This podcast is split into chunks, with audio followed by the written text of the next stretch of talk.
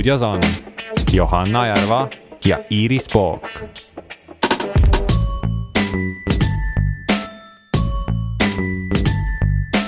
elu meie ümber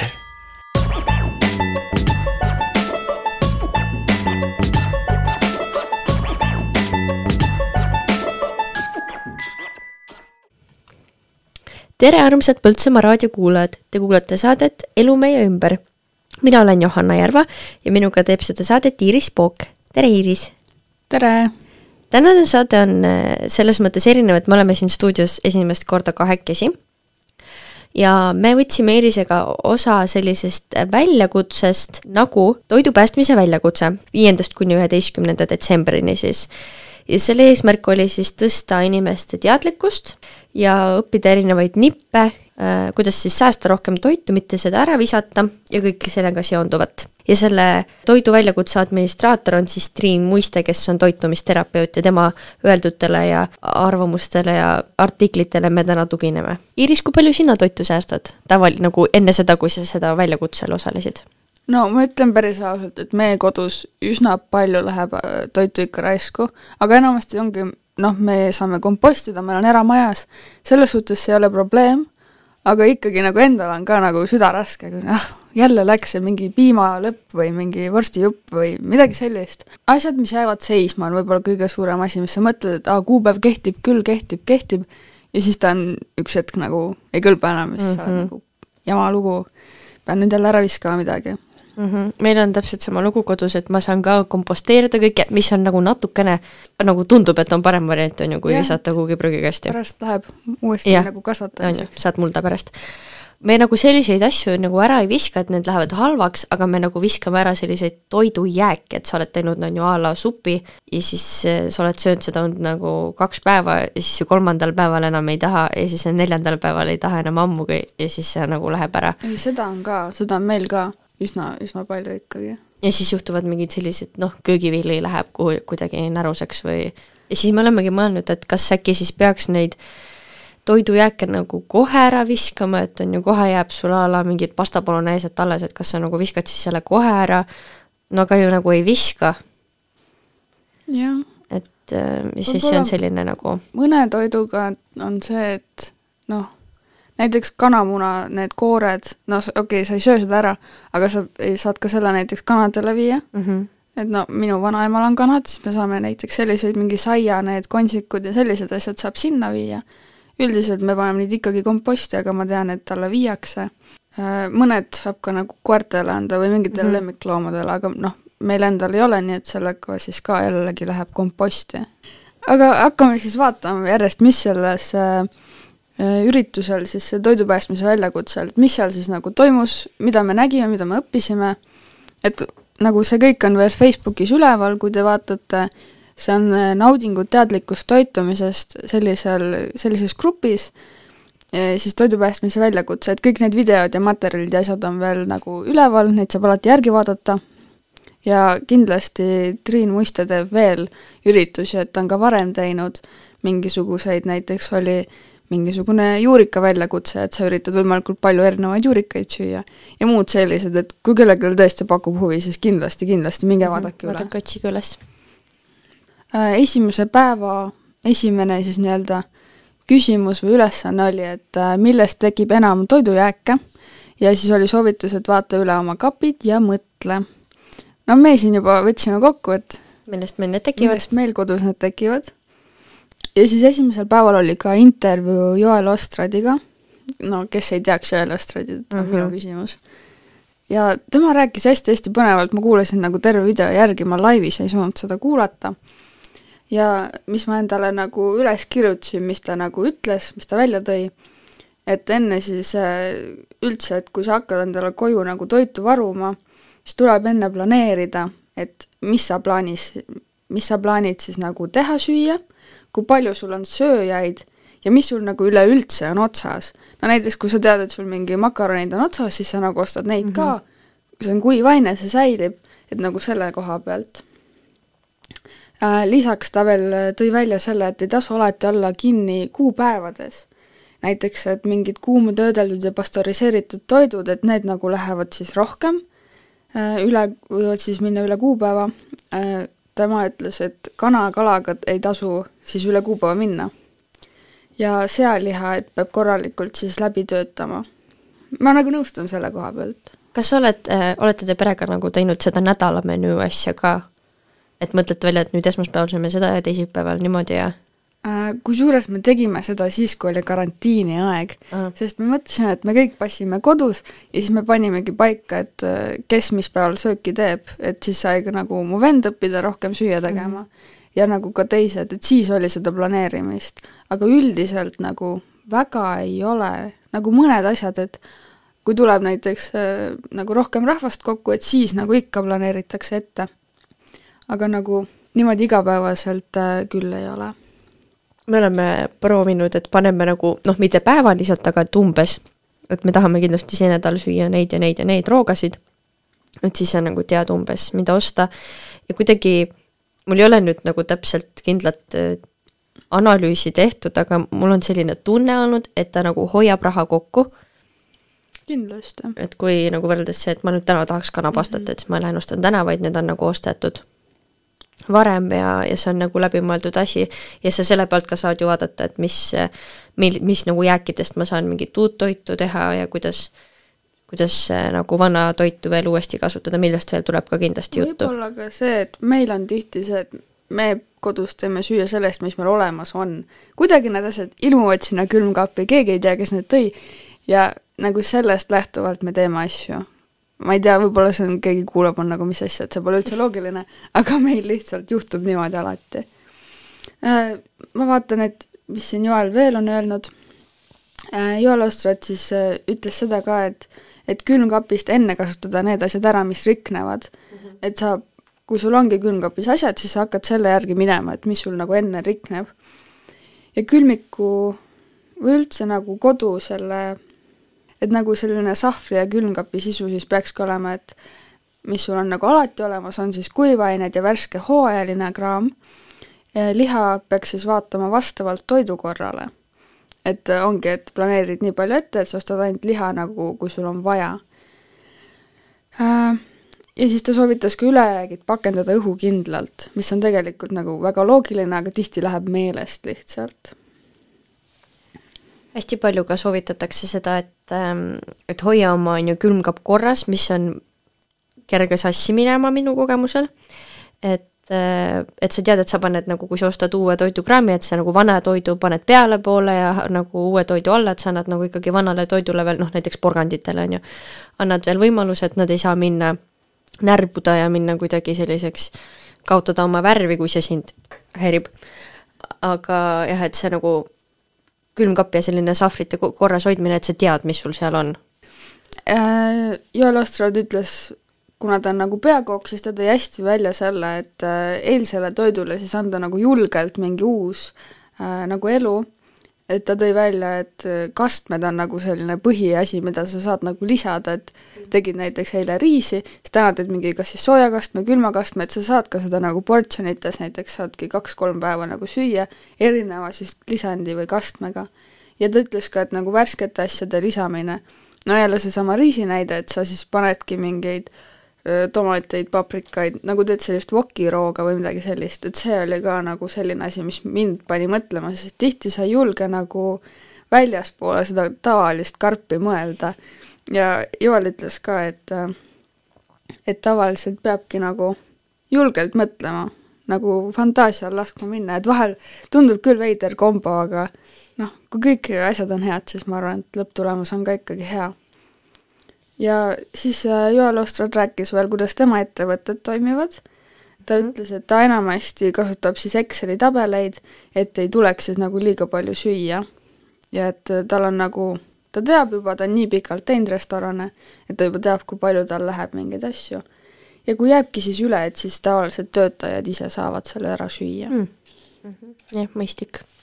teisel päeval oli siis äh, küsimus või selline ülesanne, et kas sa tead, kus asuvad siis kohalikud toidujagamiskapid? meil on vist nendest varem nagu juttu ka olnud mm -hmm. või? toidupangaga seoses? jah, need Põltsamaal on siis, kes ei tea, on see toidukapp äh, siis selle kultuurikeskuse vastas mm. -hmm.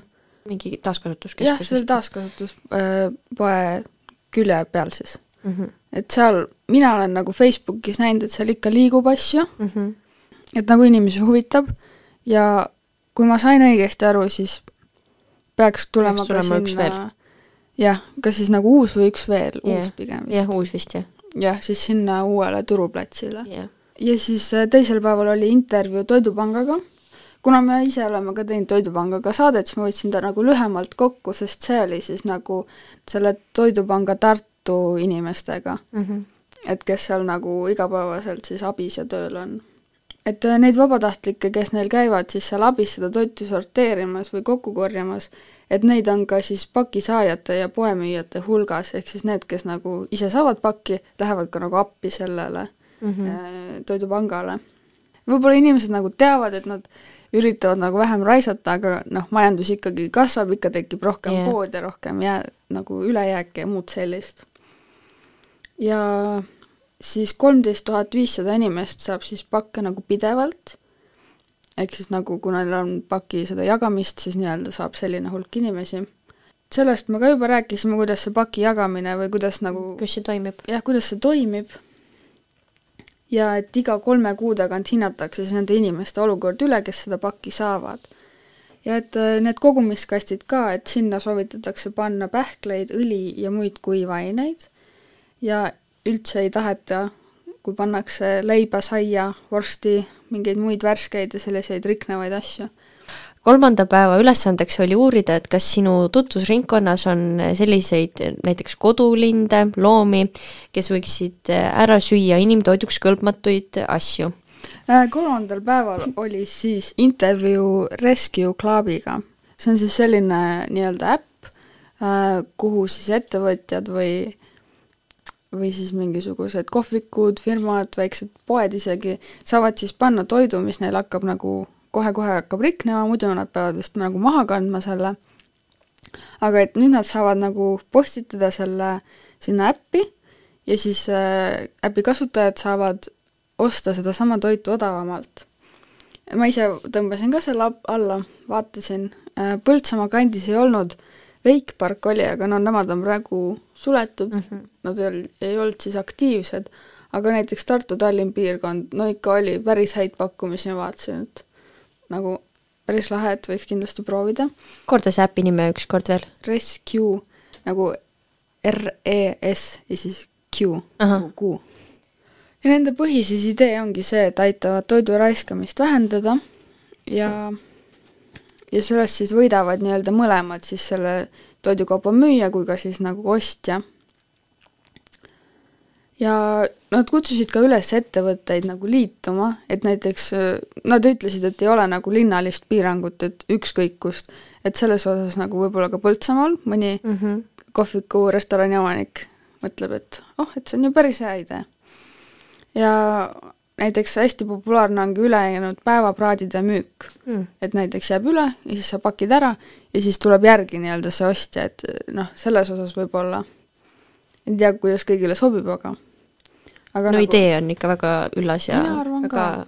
ja et nüüd neil on nagu hakanud äh, uuendusi tulema, et isegi toidupoed ja mõned hulgi, hulgimüüjad on liitunud ja näiteks ongi seal äh, Tallinna lähistel on erinevaid hulgimüüjaid, kes siis müüvadki nagu suurtes kogustes mingeid kas siis puuvilju, juurvilju, mingeid selliseid asju.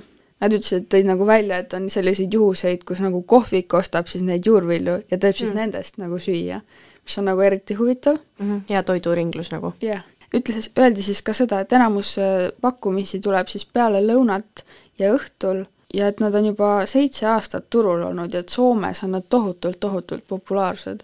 Ma võtsin nagu kaardil ka Soome lahti ja seal oli nagu tõesti nagu väga-väga-väga palju nagu äh, neid toidukohti, kes siis olid liitunud ja pakkusid oma toitu. noh, ma küll soome keelt nii palju kahjuks veel ei räägi, et saaks aru, mis toit pakkumises oli, aga nagu hästi palju oli seda noh, et kui ma praegu näiteks võtan siit äh, selle äpi lahti, et ongi Tallinnas on nagu eriti palju, Tartus ma nägin rohkem nagu kafeinne, et äh, Tallinnas ongi mõned kohvikud pakuvad siin saiakesi, moonirulle, kardemonisaiad, nagu üli-ülihead pakkumised tegelikult. isegi nagu hinna poolest, siis siin on ka veel R-kioskid ja äh, ka kafeinid. et nagu kindlasti soovitan nagu üle vaadata, et kui on liikumist või elamist äh, Tallinna, Tartu vahet mm. -hmm. no kahju, et siinkandis ei ole, kindlasti mina, mina kasutaks seda võimalust. mina kasutaks ka, äkki, äkki veel kogub populaarsust? jah yeah neljanda päeva ülesanne oli siis alustada komposteerimisega või siis hakata selle peale vaikselt mõtlema. Äh, mis on siis komposteerimine, on lihtne ja looduslik protsess, mille käigus tarbivad bakterid, mikroorganismid, seened ja ka vihmaussid erineva päritoluga orgaanilist materjali. ja selle elutegevuse käigus tekib biolagundatavatest jäätmetest väärtuslik ja toitainerikas muld. no nagu me juba arutasime, et me mõlemad mõlemad siis kodus tegeleme komposteerimisega. võib-olla nagu kortermajas on see natuke keerulisem mm, -hmm. ma olen ise ka tähele pannud, et, et noh, esiteks sul ei ole kuskile panna seda mulda lõpuks, sul ei ole seda kopsikut kusagil hoida, panna, et nagu selles suhtes ma nagu mõistan, et see on keerulisem, aga võikski nagu olla, et inimestele, kes tahaksid sellega tegeleda, võiks nagu mingi koht olla, ma arvan mm. -hmm müüakse ka selliseid, ma olen näinud selliseid komp-, ongi selliseid komposti nagu konteinereid, mingi selline väike metall, selline asi, mida sa siis vahepeal on ju segad mm, -hmm. et seal saaksid need bakterid kõik ähm, elada ja siis äh, see on nagu selline korterisõbralik, et ta ei aja mingit, ei erita haisu ega midagi, aga jah, pro-, mitte probleem, aga noh, küsimus ongi see, et kuhu sa ta pärast viid, et äh, kõigil ei ole lillepennad, kuhu seda tallata. ja võib-olla see ka, et mis ma ise olen kuulnud, et korteris elavatel inimestel on ka probleemiks, et isegi kui neil on nagu see äh, komposti nagu konteiner õues mm, -hmm. siis nad ei saa nagu kuidagi viia seda sinna mm, sest kui sa nagu lähed terve oma selle plastikämbriga, siis sul on ämbri, ämber nagu must, siis see juba haiseb mm -hmm. sul. või kui sa nagu need noh, kilekotiga sa nagu ka ei saa minna, sest sa pead selle nagu tagasi tooma kuigi noh, see võib-olla on nagu kõige lihtsam viis. ja need biolagunevad kilekotid, need lagunevad nagu enne ära, kui sa jõuad sinna õue üldse sellega, nii et see on nagu mitme otsaga asi, aga ma arvan, et need, kes nagu tõesti tahavad, et on võimalik ikka ikkagi. leiad lahenduse, ma arvan ka äh,. Siis äh, neljandal päeval ka tutvustati äh, siis ühte inimest, tema nimi oli Liisi Laanemäe ja siis jagati ka tema nippe siis toidu raiskamise vähendamiseks Liisi tegutseb toidufotograafina ja ta koostab ka retsepte ja kirjutab siis toidublogi, mida võib siis vaadata liisiblogi.ee leheküljel. seal tema blogis on erinevaid retsepte, et mida siis nagu ülejääk toitudega teha ja oma lehekülgedel jagab ta siis ka erinevaid nippe. ta tõigi välja, et äh, oma selles tutvustuses, et kuna ta on nagu kolme lapse ema, ja ta tahab sellist maitsvat ja lihtsat kodutoitu pakkuda, siis ta peab tihti nagu külmkapist leiduvast tegema midagi, mis kõigile maitseb. ja et äh, siis ta nagu jagab seda ka seal oma toidublogis. toidugruppidega kuskil Facebookis või, või täpselt tõesti mingite blogide lugemine ei ole nagu üldse halb idee, et sealt alati leiab mingeid asju ja kui on eriti veel selline, kes on nagu äh, suurema eesmärgiga, et äh, toitu päästa, siis see on veel nagu eriti tänuväärne ja kindlasti hea grupp ja blogi, mida lugeda. ma arvan ka, et kindlasti üle vaadata, kui on nagu vähegi huvi. et nagu isegi sirvimisega saab tihtipeale nagu hästi palju uut äh, informatsiooni, et millega siis saab ka endal seda toit, noh, toitu päästa siis nii-öelda. teeme siia vahele ühe väikse reklaamipausi ja kuulame natuke muusikat ja oleme juba peagi tagasi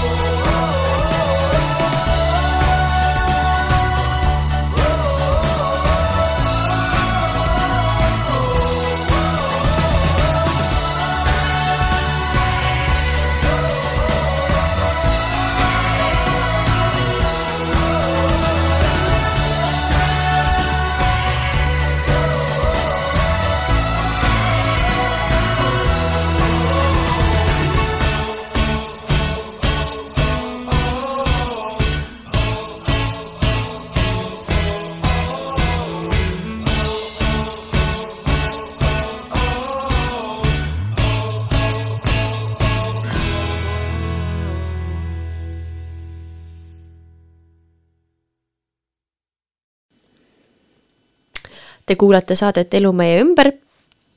stuudios on Johanna Järva, Iiris Pokk ja me räägime toidu päästmisest. me osalesime Iirisega toidu päästmise väljakutsel ja oleme siis praegu viienda päeva juures.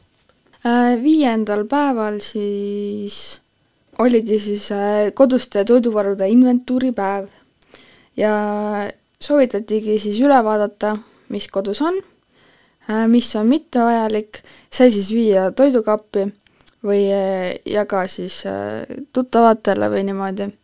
ja et mis nagu juba ei kõlba, siis see siis ongi, et kas siis komposteerida või viia siis loomadele.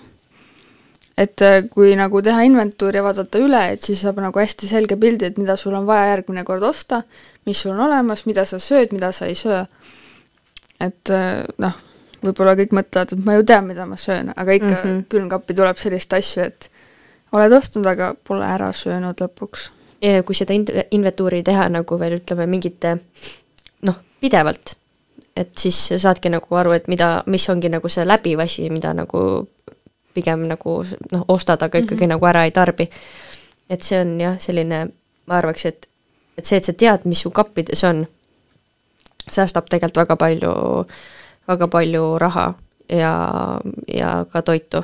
Et ennem pigem nagu hakkad tegema mingeid, mingitest nendest asjadest, mis sul kapis on, kui et sa lähed ostad kõik toorained uued. sama oli ka siis, kui meil oli äh, see karantiiniaeg kaks tuhat kakskümmend, et siis ka me hakkasime nagu kodus üle vaatama, mis meil on, mis meil ei ole, vaata me saime koolist ka nagu neid mhm. pakke mm. -hmm ja need koolipakid no jäid seisma, no midagi ei ole teha, mõni asi lihtsalt jäi seisma, nagu paned kappi ära ja siis jääbki sinna lihtsalt mm -hmm. mingi riis või selline kaerahelbed, ma nagu kaerahelbeputru ei söö, aga ma kasutan kaerahelbeid mujal. ja nad lihtsalt nagu ununevad mm, -hmm. nagu ka siis me hakkasime nagu järjest seda üle vaatama, mis on ja ja nagu mida me kasutame ja sellest oli tegelikult, tõesti oli kasu. et äh, me saimegi nagu äh, ise kokates seal hästi palju nagu ka ära kasutada, mis muidu olekski jäänud lihtsalt seisma. Äh, viiendal päeval oli siis tutvustati meile Gerti Visselit, tema on siis äh, kolme sõsara, sõsara restorani peakokk.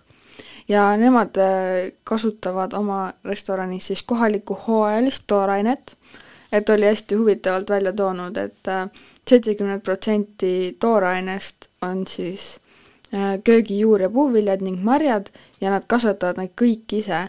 Ja ülejäänud siis ostavad kohalikelt tanulikelt ja juurvilju nad säilitavad siis keldrites või siis ka hoidistena, ehk siis et, et nad saaks pikemat aega oma restoraniga toimetada. ning toidujäägid äh, teevad siis nad kompostiks ja kasutavad väetisena oma peenardes äh, või, äh, või siis kasvuhoonetes või siis mõned asjad, näiteks siis ka kanamunad ja saiakontsikud söödavad oma kanadele. et see oli selles suhtes nagu äh, hästi huvitav, mina ei olnud kunagi kuulnud üldse, et selline restoran on. hästi nagu põnevalt oli kirjutatud, et nagu nad on kõige peale mõelnud, sa mõtled, et et sa ei mõtle nagu kõige peale, aga nad tõesti on kõige peale mõelnud, et ise nagu toitu kasvatada ja siis seda veel nagu restoranis teha, et see on nagu tõesti midagi nagu täiesti ennekuulmatut nii-öelda. et tavaliselt ikka ostetakse kokku, aga nemad on võtnud siis sellise eesmärgi, et tahavad ise kasvatada õhtul oli siis Tartus Vokos äh, ühiskokkamine, Voko on siis, enne oli Tartu Kutsehariduskeskus, nüüd tal on siis teistsugune nimi. ja et seal oligi siis, et said kohale minna need kõik, kes olid huvitatud ja siis neil toodi siis nagu toidupank ja ka nagu ise nad said siis mingit toidukraami, millest nad siis kokkasid seal igast huvitavaid asju. meie kumbki kohal ei käinud, aga ma vaatasin neid erinevaid otseülekandeid ja postitusi selle kohta. ja kuuenda päeva ülesanne oli see, et valmista toitu ülejääkidest. ma panin endale kirja mõned näited, mis ma tegin selle nädala jooksul ülejääkidest. näiteks, et meil jäid noh, banaanid kipuvad alati pruuniks minema, see on nagu mingi needus. Äh, mina tegin siis nendest smuutit, võtsin kooli kaasa, panin vennale kotti ja tegin ka banaanipannkooke hommikul ja siis ma tegin nagu taigna eelmine õhtu valmis ja siis hommikul ma sain nagu teha, see on hästi kiire äh,. siis mul oli üks sünnipäev, kust ma siis võtsin kaasa tükeldatud õuna ja ka siis neid samu banaane noh, need olid, kuna nad olid tükeldatud, siis need pidid nagu ära tegema kiiresti. ma kõik, mis võimalik, sõin juba õhtul ära, aga ülejäänud tegin ka, panin siis smuutisse. siis samuti äh, oli äh, meil keedetud äh, liiga suur pott riisi ning sellest ma tegin siis ka salatit ja siis ka tegin nagu praetult mingite äh, nagu vokirooga nii-öelda. siis oli ka külmkappi juhtunud üks suitsukana, mille ma ka igaks juhuks praadisin läbi, sest äh, see oli tegelikult üle kuupäeva ja tegin sellest siis salatit. see smuutide asi on ka ja väga levinud ja siis me oleme teinud ka, tegime ka seda banaanileiba aa ah, jaa, jaa, jaa, vot see on ka mm -hmm. üks mu lemmik. Ehm, sellisest nagu klassikalisest pasta bolognese kastmest, mis jääb üle, edasi nagu lasanjaks, salatite uuesti tegemine, et salati põhi uus, uus lihtsalt peale, uued värsked koostisosad ah,. siis meil oli ka sama lugu riisiga, aga siis lihtsalt meil oli karri ja riisist läks siis edasi lihtsalt riisipiimasupp ja toidujääke mina olen alati nagu kasutanud üle järgmisel päeval koolis lõunasöögina, kui ma olen endale karbiga kaasa võtnud, et ma ei hakka endale uut lõunasööki tegema, mis tundub nagu esiteks ajamahukas ja ma, mul on selleks uusi komponente vaja, vaid ma võtan nagu eelmise õhtusöögi ja ma söön seda järgmine päev lõunal, et see on ka selline asi, mida võiks mõelda ja võiks teha. ma arvan, et see on sul väga hea mõte. kuuendal päeval ka siis jagati Liia Virkuse tarkuseterasid võib-olla igaüks või kuulajal ei tule kohe ette, et kes see Liia Virkus on, aga tegelikult põhimõtteliselt, kui sa võtad ükskõik millise Eesti kokaraamatu, siis tema on üks nendest kaasautoritest, sest ma tean juba kodus, et kohe, kui ma seda tema pilti nägin, ma teadsin, et ta on meil mingi kümnes kokaraamatus nagu vähemalt kaasautor. tema siis tõi välja, et parim viis toidujääke kasutada ongi siis ka salatid et saab panna värskeid asju, juuste või üldsegi liha või kana või kala, ehk siis sellised nagu hästi äh, kirjud salatit saab, et see on väga hea äh, äh, võimalus siis kasutada ära ülejäänud toitu. Lisaks tõi ta välja ka vokiroad, sest et seal saab ära kasutada juurvilju, aedvilju, riisi, nuudleid, spagette, no kõike ja siis nimetas ta veel suppe ja pajaroogasid, ehk siis et ka sinna saab tõesti nagu kõike panna et kõige võib-olla kasulikum viis, kuidas siis toidu, toitu päästa.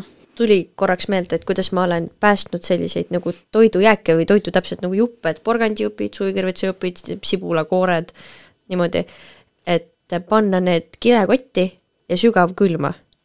ja sellest need püsivad ja sellest üks hetk, kui sul on aega, siis sa keedad sellest puljongi. jaa, jaa. et ja samamoodi mingite nagu kui sa teed mingit ahjurooga või sul on mingid nagu küpsetad mingit liha, kust tulevad äh, need rasvad, mis on mingite ürtide segust ja kõik sellised, et need vallada siis äh, põhimõtteliselt nagu sinna jäävormi ja need siis on nagu puljongikuubikud pärast. või, või siis mingid nagu rasva aluseks või kui sa nagu tahad midagi praatida. et selliseid asju, mis noh, võib-olla ei tundu kõige meeldivamad, on ju, aga päriselt nagu töötab. ma ei olen... ole ise kunagi selle peale tulnud, aga see on tõesti nagu väga hea kindlasti. Äh, seitsmendal päeval oligi siis, et äh, ülesanne oli osaleda vabatahtlikuna toidu jagamisega seotud ettevõttes ja siis seal olid ka välja toodud äh, lõppkokkuvõte siis ja statistika. Triin Muiste tõi siis ka välja ühe uurimistöö, kust saame jagada mõned statistilised andmed. see uuring on siis koostöös Stockholm Environment Institute'iga Eesti Maaülikooli ja Keskkonnaministeeriumiga valminud. nii, ja see statistika ütleb siis, et Eestis tekib kokku ligikaudu sada kuuskümmend seitse tuhat tonni toidujäätmeid aastas. ja elaniku kohta on see siis sada kakskümmend seitse kilogrammi toidujäätmeid aastas. kokku viskavad kodumajapidamised toidukaona ära ligikaudu üheksakümne kaheksa miljoni euro väärtuses toitu aastas. ehk siis esmatootmises läheb Äh, neli koma kahe miljoni euro väärtuses siis toitu raisku Eestis. ehk siis nagu esmatootmises, ehk siis ongi nagu, kust see üldse välja tuleb yeah.. ja toidutööstuses aastas läheb siis toidukauna rahaliselt raisku kuus koma neli miljonit eurot. mind üllatab võib-olla kõige rohkem see, et siin tuleb välja, et rahaliselt siis kodumajapidamised nii-öelda kõige rohkem äh, tekitavad seda toidukadu nagu rahalisest mõttes. jah, üheksakümmend seitse koma viis miljonit jah, eurot. ma oleks ise arvanud võib-olla, et see nagu läheb kuskil mujal. restoranidele või kuidagi jah, aga tuleb välja, et me ise olemegi see süüdlased.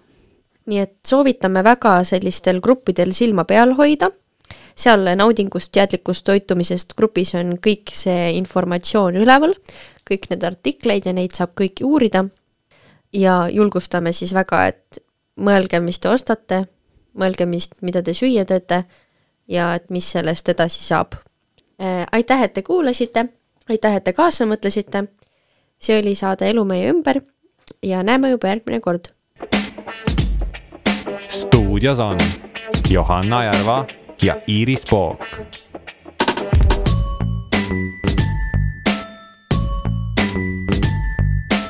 elu meie ümber